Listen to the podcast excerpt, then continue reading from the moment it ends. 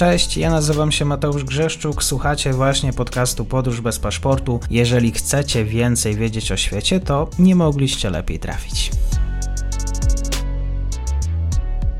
Partnerem odcinka jest Oanda, TMS Brokers, dom maklerski obecny na rynku już od ponad 20 lat. W opisie odcinka znajdziecie link do aplikacji, w której możecie otworzyć konto maklerskie i grać na giełdzie, a wcześniej potrenować na koncie demonstracyjnym. Jeżeli otworzycie konto za pośrednictwem tego linku, dostaniecie na start książkę o tematyce inwestycyjnej. Zapraszam, Mateusz. Dzień dobry Państwu, dzień dobry wszystkim e, słuchaczom. Lubimy rozmawiać o polityce amerykańskiej. E, no myślę, że to już powoli robi się standard, kiedy odwiedza mnie Rafał Michalski, obserwator, e, młody obserwator polityki tego, co się dzieje po drugiej stronie globu. Dzień dobry, kłaniam się.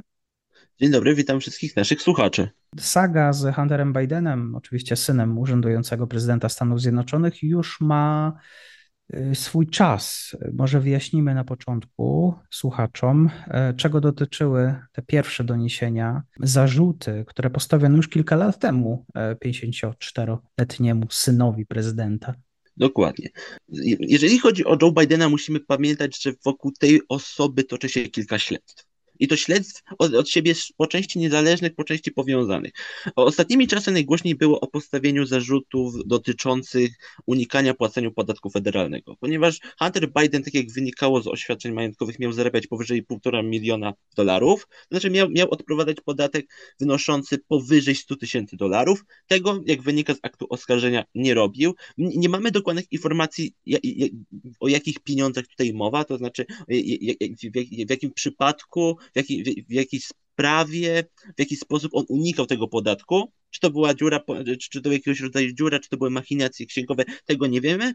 Wie, wiemy znamy także jeszcze trzeci zarzut, który dotyczy, jest bardzo poważny, posiadania broni, w, posiadania broni, gdy dana osoba jest uzależniona od narkotyków. To jest zakazane, to jest przestępstwo ciężkie, one jest obarczone karą powyżej do e, pozbawienia wolności do 10 lat. I to są te trzy zarzuty odnośnie których toczy się postępowanie, odnośnie których została nawet wypracowana ugoda pomiędzy sztabem prawników Huntera Bidena a prokuraturą. Ugoda, która, co jest bardzo ciekawe, upadła.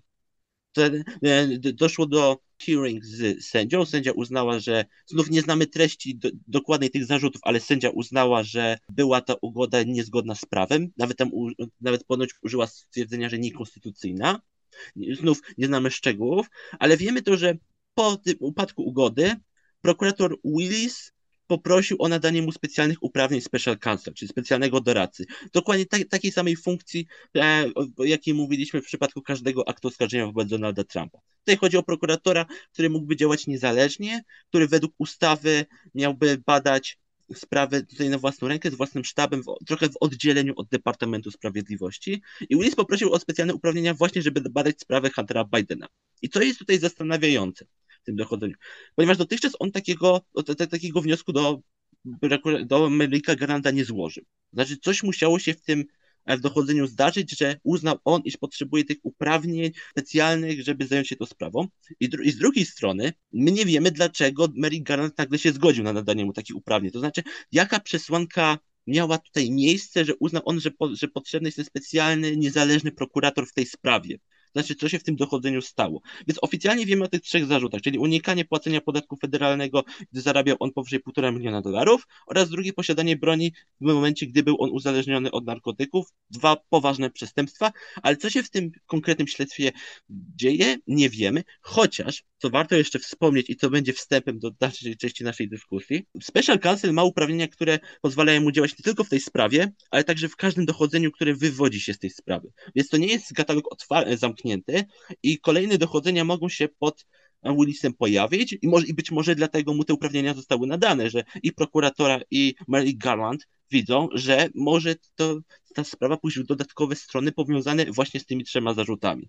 I w takim razie, co, jaka, jakie argumenty są drugiej strony? Hunter Biden tłumaczy się, że. Hunter Biden się zbytnio nie tłumaczy, tak prawdę powiedziawszy, bo pozwolić, że na chwilę odbijemy w inną stronę, żeby może opowiedzieć naszym słuchaczom o Hunterze Bidenie jako takim, bo to jest, będzie bardzo istotne w tym, jak rozmawiamy, odnoś, rozmawiamy o tych jego śledztwach. Ponieważ Hunter Biden, kiedy zajrzymy do wydanej kilka lat temu w Polsce książki Obiecaj mi tato Joe Bidena, w której Joe Biden opisuje ostatni rok swojego, rok życia ze swoim zmarłym synem Bo Bidenem, to właśnie może nas zaskoczyć fakt, że on tam zbyt wiele o Hunterze Bidenie nie pisze pisze o, swo, o, o, swoich rodzicach, o swoim rodzeństwie, pisze o swoich wnukach, ale o Hunterze Bidenie on bardzo często się nie wypowiada. I to nie jest przypadek, ponieważ Hunter Biden zawsze był traktowany, nawet przez swojego ojca, trochę jako ten drugi syn ponieważ Bob Biden, świetne wyniki w szkole, weteran wojenny, dobra, do, do, dobra e, prawnicza mm, szkoła ukończona, prokurator generalny stanu Delaware, który w roku 2014 już się przygotowywał pod start na gubernatora stanu Delaware. Więc to było to takie złote dziecko, o którym Joe Biden we wspomnianej książce napisał, że jest to dziecko, które ma wszystkie moje najlepsze cechy i nie ma żadnych, które są we mnie najgorsze. O Hunterze Bidenie, Hunter Biden był tym drugim. Znaczy Hunter Biden miał dobre wyniki w szkole, ale nie aż tak dobre.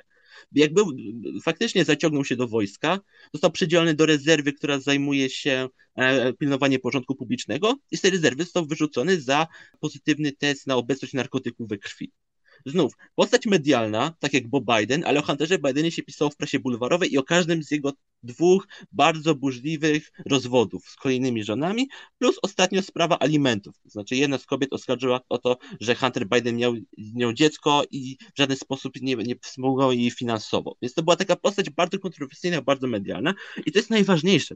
Hunter Biden był zawsze człowiekiem, o którego podejrzewano, że swoją pozycję zbudował na nazwisku. Ponieważ pierwsza praca, jaką dostał, e, pierwsza poważna praca, jaką dostał, to była praca w banku MBNA, rok 96. I 96 rok to jest dokładnie rok, w którym Joe Biden jeszcze jako senator wprowadza ustawę, a później popiera ustawę, która ma zmienić prawo dotyczące kart kredytowych. Jest to prawo, które generalnie rzecz mówiąc jest bardzo korzystne dla banków i też bardzo korzystne dla MBN-a. Wtedy w ogóle Joe Biden był nazywany senatorem wielkich banków albo wielkich korporacji, ponieważ miał on tego typu ustawodawstwo, on był bardzo mocno powiązany z tym środowiskiem już wtedy media zaczęły się doszukiwać, czy być może to zatrudnienie Huntera Bidena w MBN-a to nie jest przypadek właśnie tego nazwiska. Później, druga praca y, poważna Huntera Bidena to jest w departamencie rolnictwa za prezydentury Billa Clintona. To znaczy e, kontaktuje się z Hunterem Bidenem William Oldaker, czyli człowiek, który współorganizował kampanię Joe Bidena prezydencką w roku 1988 i proponuje mu, że mógł, może się skontaktować z sekretarzem i mówiąc wprost, kolokwialnie, załatwić mu pracę w departamencie. Hunter przechodzi konkurs, przechodzi weryfikację, więc wydaje się, że w sposób legalny, ale polecenie było, Hunter się tam zajmował tą całą sprawą e-commerce. Więc e, tutaj za, zawsze nad tym Hunterem Bidenem wisi taka chmura podejrzeń, że to jest to jego nazwisko i jedno trzeba mu przyznać, od tego roku 96, 98, gdy zaczął on pracę u Billa Clintona, jego drogi z Joe Bidenem się rozwidlają. To znaczy, ani Hunter Biden nie wypowiada się w sprawie e, poczynania swojego ojca, i jego ojciec próbuje się odcinać od swojego syna. Więc to jest taka relacja, która do, załamuje się w roku na początku 2008, ponieważ w 2008 e, Hunter angażuje się w kampanię prezydencką e, e, Joe Bidena, to, to, to, która zakończyła się niepowodzeniem, chociaż Joe Biden dostał propozycję startu jako wiceprezydent. Nie wiemy, jaka była tam rola Huntera Biden, ale to poważniejsze. I tutaj zaczynają się te prawne problemy dotyczące Huntera Bidena. Ponieważ Joe Biden, jakkolwiek by to dziwnie nie, nie zabrzmiało, on jest bardzo przywiązany do swojej rodziny i miał taką tradycję jako wiceprezydent już, że na różne delegacje zagraniczne zabierał kogoś właśnie ze członków swojej rodziny jako jego wspólnika, ale też jako osobę towarzyszącą. I w roku 2013, w grudniu, kiedy leciał do Chin, miał zabrać jednego ze swoich wnuków. Ale ten wnuk zaproponował mu lot z Hunterem Bidenem. To było pierwszą wspólną delegacją znów tego syna lobbysty, syna, który pracował w wielkich korporacjach, z Joe Bidenem. I już tutaj pojawiły się pewne niesnaski w mediach, także wśród partii republikańskiej, czy tak powinno to, to wygląda, czy powinien Joe Biden go zabrać. A to nie jest koniec, ponieważ Hunter i Joe Biden raz, razem są widziani na oficjalnym przywitaniu delegacji amerykańskiej w Chinach. I później wiemy o tym, że dochodzi do spotkania Huntera Bidena. Hunter będzie mówił, że spotkania prywatnego z przedstawicielami partii komunistycznej w Chinach. I na co się na to składa? Że dokładnie 10 dni później po tym spotkaniu towarzyskim Huntera Bidena z przedstawicielami partii zostaje podpisana umowa pomiędzy firmą, w której działa Hunter Biden, a firmą, jedną z firm chińskich, jeden z funduszy inwestycyjnych chińskich. Więc tutaj już mamy, więc tu, tutaj już się zaczynają takie bardzo trudne do opisania relacje pomiędzy Hunterem, ponieważ czy Hunter wykorzystał w, tym, w tej sytuacji e, swoje nazwisko, lot swojego ojca? No być, być może tak, republikanie uważają, że tak, do tego dojdziemy zaraz. E, druga rzecz to Hunter Biden pracował w takiej firmie, która się nazywa Rose Materiality. To jest fundusz inwestycyjny, mówiąc bardzo oględnie. I jego wspólnik, Archer, właśnie z tej firmy z zarządu, w 2013 roku leci do Kijowa, żeby się spotkać z ministrem do spraw ekologii Mykoła, Mykołem Złoczewskim. Mam nadzieję, że nie przekręciłem nazwiska.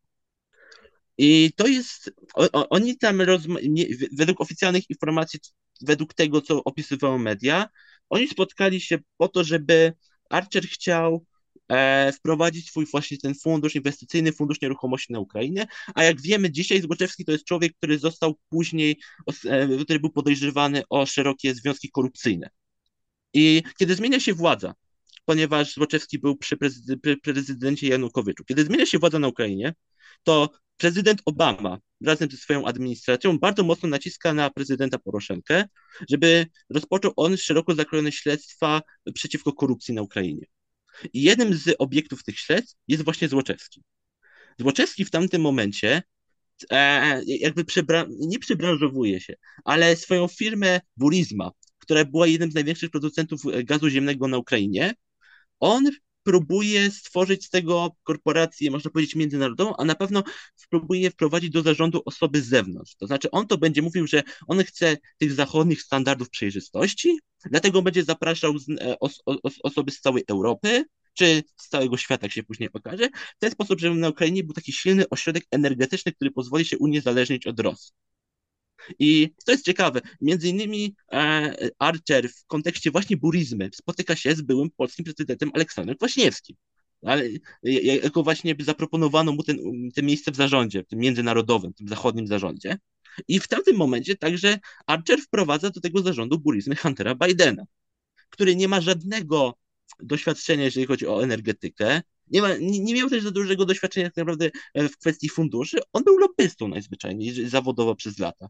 Tutaj więc jest, mamy kolejny moment, w którym e, republikanie czy media zaczynają podważać tą taką, no, taką klasyczną karierę Bidena Huntera jako zapracowaną karierę, tylko wielu podejrzewa, że to jest kolejny moment, w którym zostaje wykorzystane jego nazwisko. No bo Hunter Biden, syn wiceprezydenta w 2020 roku, przecież także już prezydenta. I śledztwo się toczy. E, śledztwo prowadzi prokurator Wiktor Szokin na Ukrainie i Szokin zostaje odwołany. E, dlaczego? I znów prezydent Obama, ale też wiemy, że przedstawiciele chociażby Unii Europejskiej naciskali na jego zwolnienie, dlatego że po pierwsze on, takiego oskarżano, nie prowadził dobrze tych śledztw dotyczących korupcji, ale po drugie także był sam ponoć zamieszany w korupcję. Tylko, że Szokin faktycznie odchodzi i on zaczyna mówić w mediach, między innymi w mediach konserwatywnych w Ameryce, że on został zwolniony dlatego, że prowadził śledztwo przeciwko burizmie i amerykański kapitał, w tym Hunter Biden, naciskali na administrację Poroszenki, żeby odwołali właśnie go ponieważ był on niewygodny także dla przecież wiceprezydenta Stanów Zjednoczonych, że jego syn był zaangażowany jakkolwiek w korupcję. Więc Szokin zaczyna budować taką historię i wtedy właśnie rodzi się teoria, niektórzy powiedzą, że teoria spiskowa, drudzy powiedzą po prostu teoria o zaangażowaniu amerykańskiej administracji w działania na Ukrainie. Ponieważ e, to, to, nie, to, to, to wrócimy do tego wątku. Zaangażowania na Ukrainie, jeżeli chodzi o burizmę. Drugi wątek to są Chiny. To jest Hunter Biden w roku 2013 zostaje zaproszony do drugiego zarządu chińskiego funduszu Private Equity. E, negoc- e, zostaje faktycznie przyjęty do tego funduszu. On jest prowadzony przez człowieka, który był powiązany z Armią Ludową-Wyzwoleńczą. I on tam pracował przez 10 lat do 2020 roku i to też obecnie jest, e, odnośnie tego to, toczy się śledztwo i swoją drogą ponoć toczy się śledztwo w fińskiej prokuratorze, ale też toczy się śledztwo ze, szeroko zakrojone w amerykańskiej, ponieważ ten fundusz chciał zainwestować w energetykę na, na Luizjanie. To znaczy Hunter Biden miał być lobbystą, który miał pomóc wprowadzić ten chiński fundusz na amerykański rynek energetyczny. I Dlatego, i, I dlatego, gdy mówimy o Hunterze Bidenie, musimy pamiętać, że jest to człowiek, który jest od wielu lat podejrzewany o te związki z władzą, ale też wykorzystywanie swojego nazwiska. Bo twardych dowodów na współpracę z Joe Bidenem nie mamy. To, to, znaczy, zaraz dojdziemy, czy na pewno nie mamy. Ale oficjalnie według śledczych, według mediów nie mamy żadnego oficjalnego potwierdzenia. I Hunter, Biden nie lubi się na ten temat wypowiadać. On, on unika. On mówi, że czy, czy to nie pamięta takiej sytuacji. To są takie typowe komentarze dla mediów. E, unika. Obecnie jest artystą swoją drogą. Między innymi maluje obrazy, które są wystawiane na różnych galeriach, w różnych galeriach. I on tego zgiełku unika, ale uniknąć nie może ponieważ pojawiła się w roku 2019 sprawa sławetnego laptopa. Otóż je, je, jedne media mówią, że Hunter Biden oddał swojego laptopa do serwisu informatycznego, tego nie zweryfikujemy, my wiemy jedno. Time, najpierw magazyn Time, a później inne dzienniki e, amerykańskie podały informację, że dane z tego laptopa, nie dokładnie taki same, ale kompromat, który jest podobny, czy w którym ten zawartość dysku się pokrywa, krąży na Ukrainie od roku 2019. I od 2019 roku dochodziło do kilku spotkań pomiędzy Ukraińcami, czy jak się później okazało, Rosjanami, a przedstawicielami amerykańskich mediów czy amerykańskiej polityki, polityki, którzy chcieli sprzedać zawartość tego dysku. I co na tym dysku się znajduje? Znajduje się kilkanaście tysięcy maili, które Hunter Biden czy rzekomi inwestorzy mieli do, do siebie wysyłać. I wśród tych mailów, między innymi, one były publikowane e, na początku przez New York Post, było między innymi mail o mm, udzieleniu w którym Hunter Biden obiecywał e, e, Pożarskiemu spotkanie z Joe Bidenem. Był ten mail rzekomego inwestora, który miał przykleić wiadomość o Huntera Bidena i napisać, że Hunter, że H obiecał spotkanie z wielkim, z Big, co zostało odczytane przez media, że Big, no to prawdopodobnie może być jego ojciec, wtedy osoba prywatna, bo to był rok, bo ten mail miał pochodzić z roku 2017. I i republikanie bardzo często wykorzystują właśnie dane z tego laptopa jako potwierdzenie tej relacji, czy to korupcyjnej, czy po prostu relacji współpracy pomiędzy synem a ojcem, mimo że niestety większości tych maili nie możemy zweryfikować. To znaczy, ten dysk został poddany różnym badaniom kryminalistycznym, kryminologicznym także, i wyszło z niego, że e, był on wielokrotnie modyfikowany, że miało do niego dostęp wiele osób, że były na nim tworzone foldery po roku 2017. Dlatego, jeżeli Państwo widzą jakieś informacje o tych mailach, zawsze warto mieć z tyłu głowy, że one nie muszą być prawdziwe. E, część z nich jest faktycznie potwierdzona, jest zweryfikowana, ale, nie, ale, ale niektóre nie muszą być prawdziwe, ponieważ znów, jak wychodzi z badań, ten dysk był w użytku także w ostatnich kilku latach. I tutaj z tej sprawy już Hunter Biden tak bardzo łatwo nie może się wycofać, ponieważ jak wiemy, część maili jest prawdziwych. Nie, nie, właśnie zastanawiam się, ponieważ jednym z tych jest ten dysk, ponieważ jeszcze musimy tutaj wprowadzić jedną osobę, dlatego się tak właśnie zawiesiłem, żeby powiedzieć, e, żeby, żeby powiedzieć, że, jak to skonstruować, ponieważ jest taka postać jak Andrzej Derka. I znów, osobę i mógłbyś o nią zapytać jednego z naszych znawców polityki Ukrainy, czy obserwatorów Ukrainy, ponieważ Henry Derkach to jest postać bardzo kontrowersyjna w tamtym kraju. On jest między innymi podejrzewany o, za, o zaangażowanie na rzecz Rosji, o szerzenie e, propagandy rosyjskiej. To jest człowiek bardzo kontrowersyjny, dlatego nie, nie, nie chcę teraz mówić o jego biografii stricte, chcę się skupić tylko na tym jego wymiarze działalności amerykańskiej, ponieważ Andrzej Derkach w roku 2019 spotyka się z Rutym Giuliani który już wtedy był bliskim prawnikiem Donalda Trumpa. I Henry Derkach po, po, pierwsze współpracował wcześniej z Wiktorem Szokinem, rozpowiadając o tym, że Szokin został zwolniony przez to, że prowadził on śledztwo przeciwko buryzmie, to jest jedno, a po drugie Henry Derkach ponoć daje szereg informacji o działalności Huntera Bidena na Ukrainie, Rudiemu Giulianiemu. I też Rudy Giuliani nie mówi, że to od niego dostał ten dysk, ale Rudy Giuliani mówi, że także dostał od jednego ze swoich ukraińskich współpracowników część materiałów, które znajdowały się później na tym laptopie. I Derkach wy, przez kontrwywiad amerykański w roku 2021 został uznany za osobę, która szerzyła rosyjską propagandę na terenie Stanów Zjednoczonych jako jednego z rosyjskich agentów. Więc kontrwywiad bardzo stanowczo ocenił jego działalność i dlatego, kiedy w ostatnich kilku miesiącach działy się śledztwa w Kongresie Stanów Zjednoczonych, gdzie komisje pod przewodnictwem Jima Jordana, czyli przewodniczącego Komisji do Spraw Sądownictwa, w których oni badali działalność mediów społecznościowych. I szereg właścicieli, i, i, i między innymi Mark Zuckerberg, e, pytany o to, czy, o, czy Facebook prowadził jakiś program, żeby ograniczać dostępność tych treści, żeby wprowadzać, jak to mówią republikanie, cenzurę na treści dotyczące Huntera Bidena, Oni, e, ci właściciele czy przedstawiciele mediów społecznościowych mówią tak, wprowadziliśmy. Dlaczego? Ponieważ pamiętali oni śledztwo z roku 2016, śledztwo Millera, w którym wyszło, że rosyjskie boty, czy, czy że był rosyjski wpływ na media społecznościowe, czy to, czy, czy, które wykorzystywały je, by przeżyć rosyjską propagandę, czy rosyjski przekaz. Tak samo oni mówią, że tak samo stwierdzili, że jeżeli jest tyle dowodów na fakt, że ten dysk mógł zostać dostarczony, czy mógł być modyfikowany przez osoby powiązane z Rosją, tak jak ograniczali te informacje w mediach społecznościowych. No jak się dzisiaj okazuje, nie ma żadnego, nie było żadnego wpływu, bo po pierwsze nie mamy dowodów na to, że ten dysk był jakkolwiek zmieniany, modyfikowany przez Rosjan. Wiemy, że był modyfikowany, ale nie wiemy przez kogo. A po drugie, no część informacji została potwierdzona, została zatwierdzona przez e, i przez śledczych, i przez dziennikarzy, zweryfikowana, więc znów nie było powodu, żeby tych informacji ograniczyć. To, I dlatego Znów, sprawa Huntera Bidena jest przez to bardzo trudna, ponieważ mamy bardzo wiele niewiadomych. Mamy człowieka, który buduje swoją karierę być może na nazwisku ojca, człowieka, od którego odcina się ojciec, ponieważ jest on politykiem i nie może jakkolwiek pokazywać się ze swoim lobbystą, dlatego o nim nie pisze nawet swojej autobiografii, unika tego tematu, żeby nikt go nie posądził o współpracę. I mamy e, Huntera Bidena, który się nie wypowiada często w mediach. Ostatni duży wywiad dał prawdopodobnie dla New Yorkera, E, gdzie New York napisał taką bardzo potężną pro, e, profilówkę na jego temat, którą serdecznie naszym czytelnikom polecam e, i który dziś będzie musiał stanąć przed sądem. I który będzie dzisiaj musiał się tłumaczyć na, na pewno z tych trzech E, nawet z tych trzech przesłanów dotyczących czy to posiadania broni, czy to unikania podatku federalnego, ale zapewne zaraz się pojawi właśnie temat buddhizmy, zaraz się pojawi temat tego chińskiego funduszu nieruchomości, zaraz, zaraz się pojawi temat, zaraz się pojawią kolejne tematy właśnie jego działalności w Europie. I Jim, i on już nie będzie mógł milczeć. To znaczy, już będzie musiał faktycznie opowiedzieć o swoim wpływie, będzie musiał się zderzyć, czy to z zeznaniami swoich współpracowników, i to będzie temat polityczny.